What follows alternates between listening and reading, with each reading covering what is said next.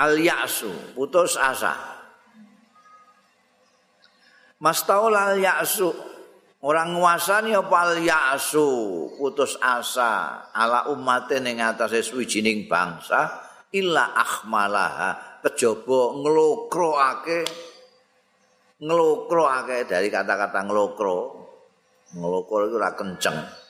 Nglokroake ya ya'as ha ing umat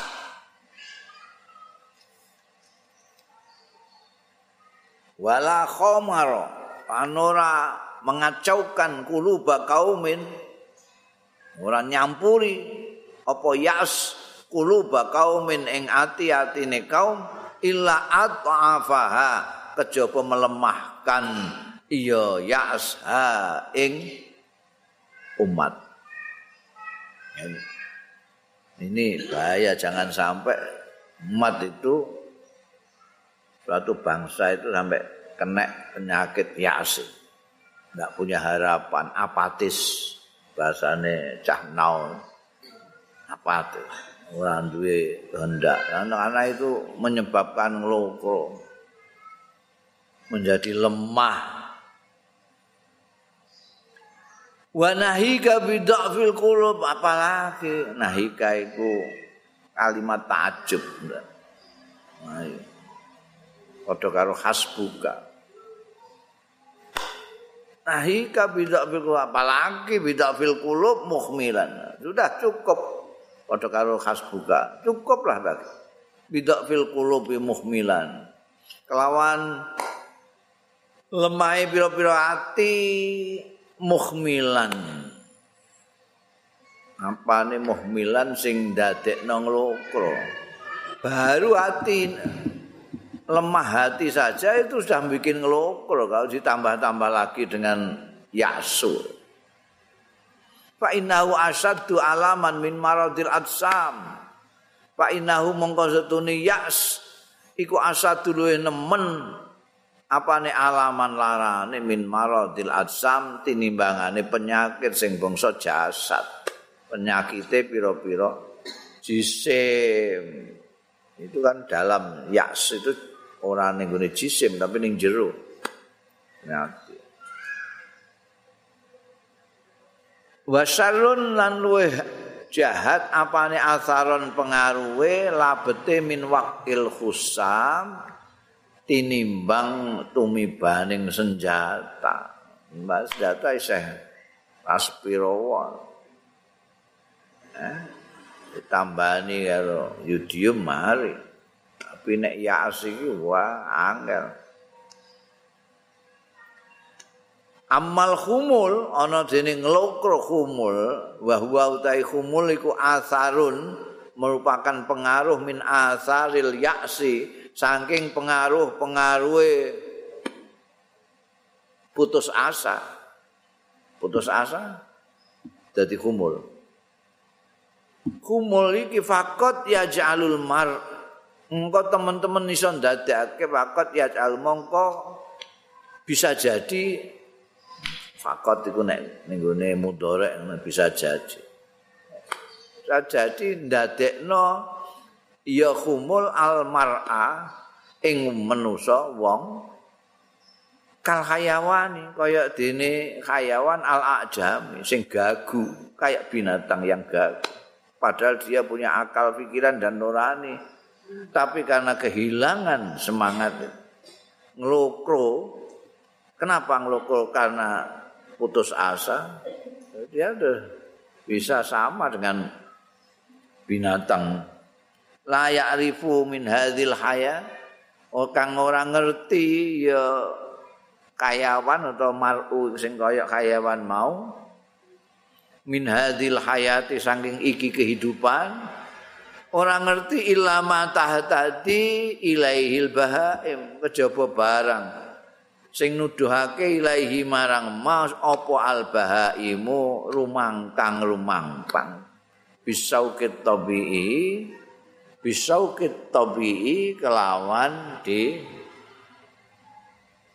tuntun di nek dituntun sing bersifat alamiah. Min bayane minat tamattu nyatane enak-enakan bil mataimi lawan panganan-panganan wal masyaribi lan nomben-nomben wal maladzati lan kelazatan-kelazatan. Nek wong wis nglokro ngono iku mergo gara-gara yas iki terus kaya kewan ndikne kehidupannya ndak bisa dimahami. Dia tidak ngerti kehidupan ini kecuali apa yang diketahui oleh kewan itu. Mangan ngombe eh musa sing nikmat nikmate weteng kelamin bangsa ngono kuwi. Liyane gak paham.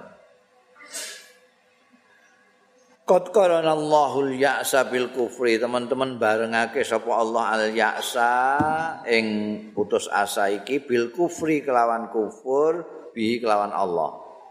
Kekufuran kepada Allah digandeng mbek Gusti Allah dengan ya'as fi qaulihi dalam dawe Gusti Allah. Wala ta'asu min ruhil min rauhillah. Innahu la ya'asu min rauhillah illal qaumul kafirun. Gandeng. Wala ta'asu lan aja. Putus asa sira kabeh min rauhillah saking rahmate Gusti Allah taala. Gusti Allah iku rahmate iku wasiat kula syai'in kok. Kowe kan termasuk syai'un. Aja putus asa. Wala asu min rauhillah. Inna ustune kelakuan iku layai asu ora putus asa min rauhillah saking rahmate Gusti Allah. Ilal kaumul kafirun kejaba sapa kaum sing padha kafir? Orang-orang kafir saja yang putus asa. Kenapa? Karena ini gak percaya Gusti Allah kok. Orang percaya ganjaran Gusti Allah orang percaya rahmat Gusti Allah. Putus asa wis adune wong kafir-kafir itu tapi wong-wong mukmin gak oleh. Pandur mongko ningalono sira ma a'dzama dzambal ya isin aduh kepiye gedene dosane wong-wong sing putus asa. Nanti dipadakno kalau wong-wong kafir.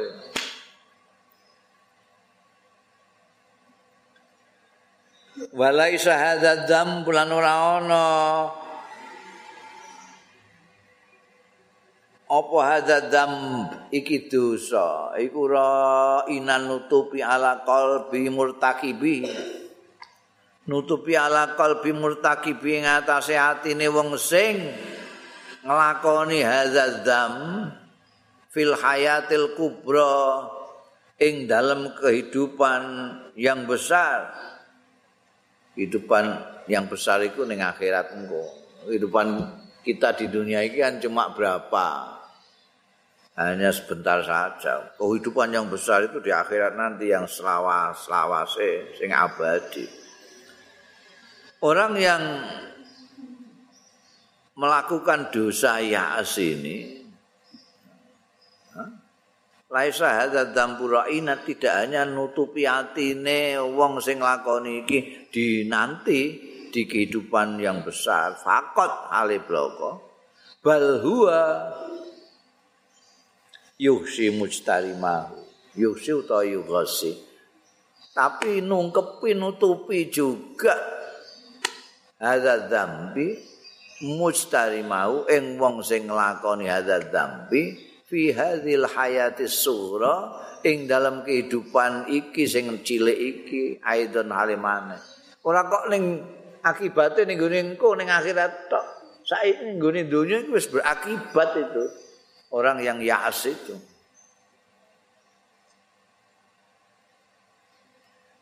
Kok sakit ngoten?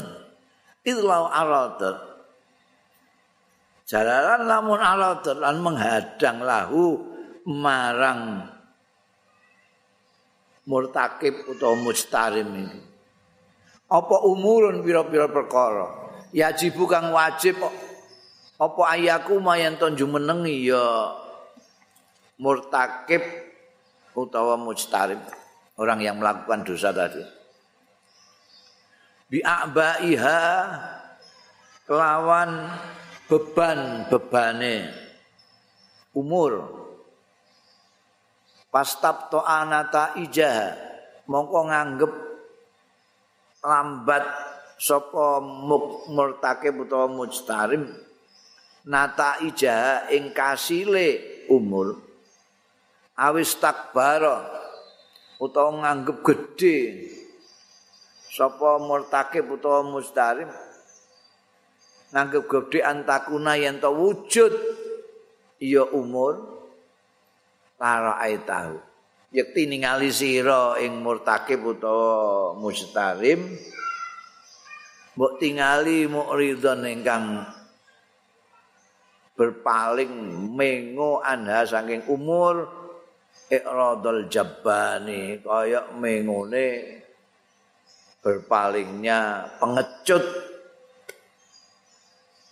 an munazalati syuj'an saking melawan pemberani Oh. Jadi orang kok ning akhirat tok ning donya iki ya wis wis keserakat wong sing duwe penyakit yas sing nglakoni dosa yas putus asa. Putus asa gak oleh. Lai ta asu kan larangan, wala ta asu minrakhillah. Rahmati Gusti Allah, wasiat kula saein kok ndekne kok putus asa. Ning donya iki dia sudah mendapat gak enak ora kok trimo ning akhirat. Sebab piye? Sebab dia kalau di diminta untuk mengerjakan sesuatu pekerjaan terus dia walah iki gawean kok ngene iki rampunge kapan iki masyaallah. Wis semene gedhe niki ndak iso aku. Akhirnya terus gak wani nglakoni apa-apa. Kaya pengecut dikon nglawan orang yang gagah berani durung-durung durung dijajal dilawan melayu dhisik padahal ma'anahu sartane setuhune mukartakib utawa mustarim lau sabara lamun tabah ya alal qiyam ngelateni alal qiyami ngatasé jumenengi biak lawan umur. Wa wa lanjut laten ala musadamati ma ing atase mengadepi barang. Ya tawiruhu yang ngeneki ya mahu ing murtakib utawa mujtarim minal awamil fisabili ya. Saking pira-pira faktor fisabili ya.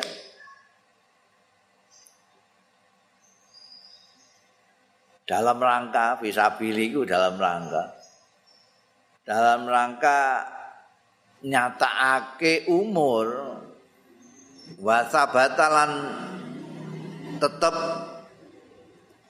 tabah amamal akobat ana ing ngarepe rintangan-rintangan alati dunaha kang ana ing anggurine latih lak sak gurine umur umur juga jadi di sana umur yang ingin dikerjakan di sini ada rintangan-rintangan. Dia tetap jalan terus. Padallalaha bijiddin bijiddijatin no no melok-melok ngarokati bareng tukang khotot itu mongko menundukkan. Ya murtakib lan mustarim ha ing akobat bijiddin jatin kelawan kesungguhannya orang yang sungguh-sungguh. Wa azmin waqadin dan dengan tekad yang menyala-nyala yang membara.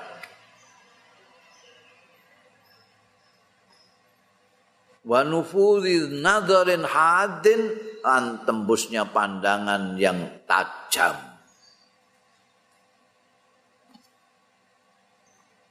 Waduh temen Ma'ana ulau sabar alal qiyami biha wa wadha ala musadamati ma yatawihu minal awamil wa sabata amamal aqobat wa lalaha la'atathu.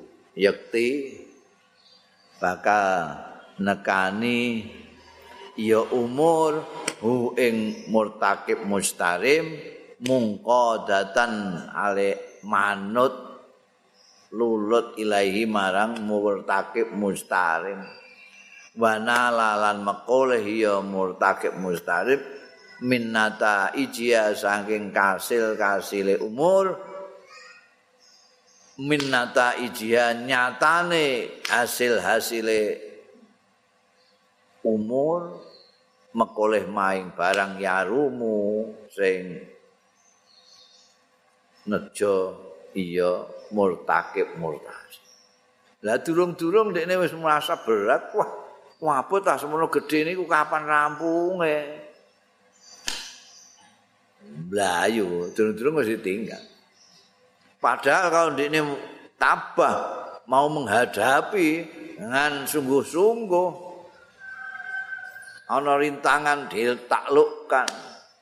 Dia akan bisa memperoleh apa yang dituju itu tadi karena di ini wedi dulu-dulu mesti putus asa ora kasil. Walakin wal yasu. Tapi ya ngono kuwi wa ya yasu iku al yasu. Putus asa yang ngono kuwi putus asa piye neh? Maksudnya sepuding ngoten niku? Muhadimul amal. Ngerusak cita-cita. Ya wa muqawwidu arkanil a'mal dan menghancurkan sendi-sendi amal terus asa itu wong durung durung apa-apa kok wis ora wani Laura kita lamun Tenang sira. Ila kathirin nas indana. Mari wong akeh minan nasi saking manusa indana ana di kita, indana itu di kita. Nek ning Indonesia ya di Indonesia indana kok. Miman nanging barang yastati una kang mampu yaman al qiyamah ing jumenengi bi bi imil a'mal. kelawan gede-gede pira-pira kerja amal alati yaudu kang bali apa nafuha manfaate adzaimul a'mal alal watani ngatasé negeri tanah air wa abnaihi lan anak-anak negeri. Kalau kamu ingin ila kathirin minan nas indana ayyakumu yen to jumenengi ya kathirin minan nas bi amrin kelawan sujining perkara minal umuri saing pira-pira perkara annafiati sing manfaat la tadzaro yekti beralasan. Maaf saja ya aja aku ah sing mbok kon ngene aja aku ah. La tadzaro yekti iktizal amit nah beralasan ya kathir minan nas. Andalika saya mengkono-mengkono. Amrin minal umurin nafi'ah melakukan sesuatu amal-amal yang besar untuk tanah air dan amna. Alasane bima kelawan barang la tadara yakti beralasan bima kelawan barang layuk balu sing ora iso ditampa malayuk balu sayane malayuk balu min hujatin nyatane dalih hujah wa mayuk bahu lahu min iktidhalin lan ora iso dianggep lahu kedue ma bayane min iktidhalin nyatane alasan. Akeh. Nek kowe misale menghendaki orang berbuat sesuatu untuk tanah air dan bangsa misalnya itu akeh wong sing terus durung-durung aja aku aja aku gak iso alasane tetek bengek tapi yang jelas alasan-alasan sing ra iso ditampol Iku anakku pirang-pirang. Aku iku anu encoken ya aku. Ora gak kuat aku nek mbok nyambut gawe ngono iku delok ae engko encokku kumat piye jae. Wis aku pokoke alasane macem-macem. Iku akeh-akeh ngono. Ma'udruman hujjatul ya'su. Ini bukan karena dia memang punya alasan yang maton, alasannya gak maton belas. Ora iso dianggap alasan. Ya iku mergo ndekne durung-durung wis yas itu. Memandang ini pekerjaan besar sekali. Tidak mungkin saya bisa melakukannya. Ma'udhulman hujatul yas. Iku apa udhruman? Alasane wong hujatuh kang khojaiman iku al yasu. Wis putus asa min najahil masyru'ati saking keberhasilane pira-pira rencana, pira-pira program, pira-pira proyek. Wa burhanuhu tai buktine man iku su'u batu najahil amal angele suksese pira-pira ngamal. Iku hujah apa? alasan kok ngono ya? Alasanmu apa?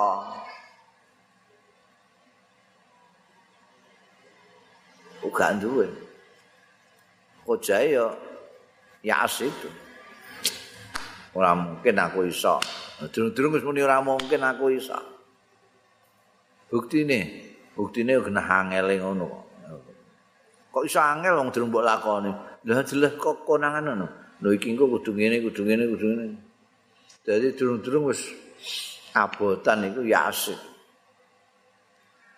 Madzalika ora ana mengkono mau kabeh la amrul haqqi demi kebenaran.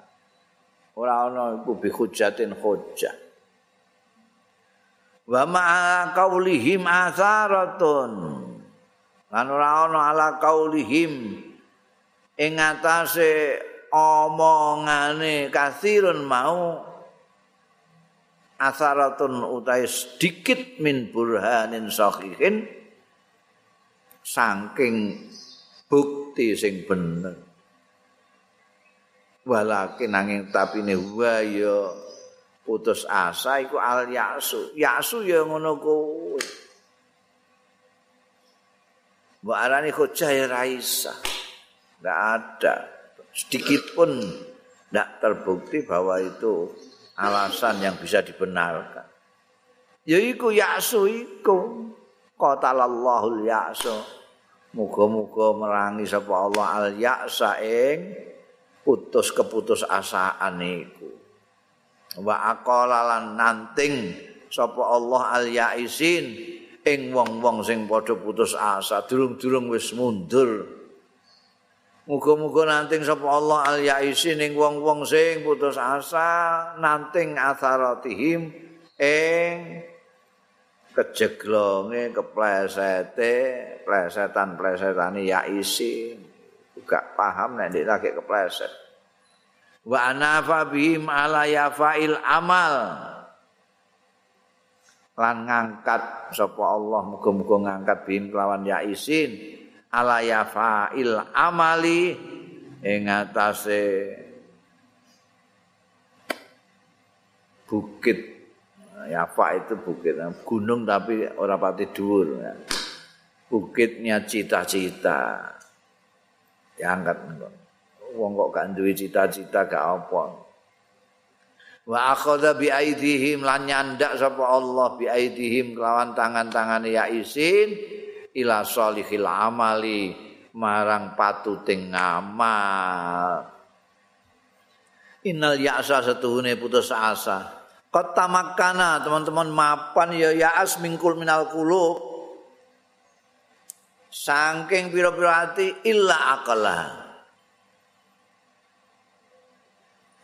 ngantek aja ngantek kowe putus asa ini bercokol dalam hatimu. Sebab begitu bercokol dalam hati, tidak bisa lagi. Illa akallah. Mus mesti. Mencerabut orang itu. Wastahkamat halaqatuhu fin nufus. Lan nancep. Apa halaqatuhu halaqa itu ring. Jadi sing kaya ali-ali ngene iki halaqa iku nek nancep wis iso udar fin nufus yang dalam pira-pira jiwa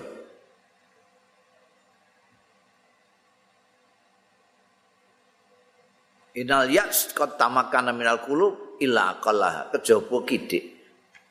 Jadi banyak yang banyak itu terkena yasin. Sing ora mu sing sithik tok illa akalah. Kabeh terkena ini.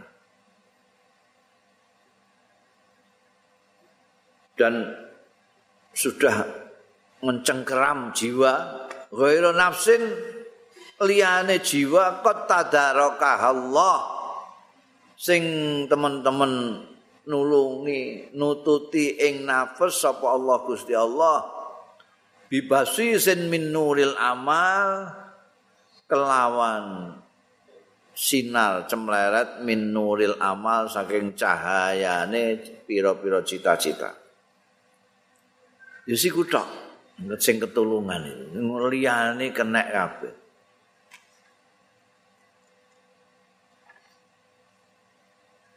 kejaba nafsin jiwa yang ditulungi Gusti Allah dengan melihat adanya cemlerete cahaya amal.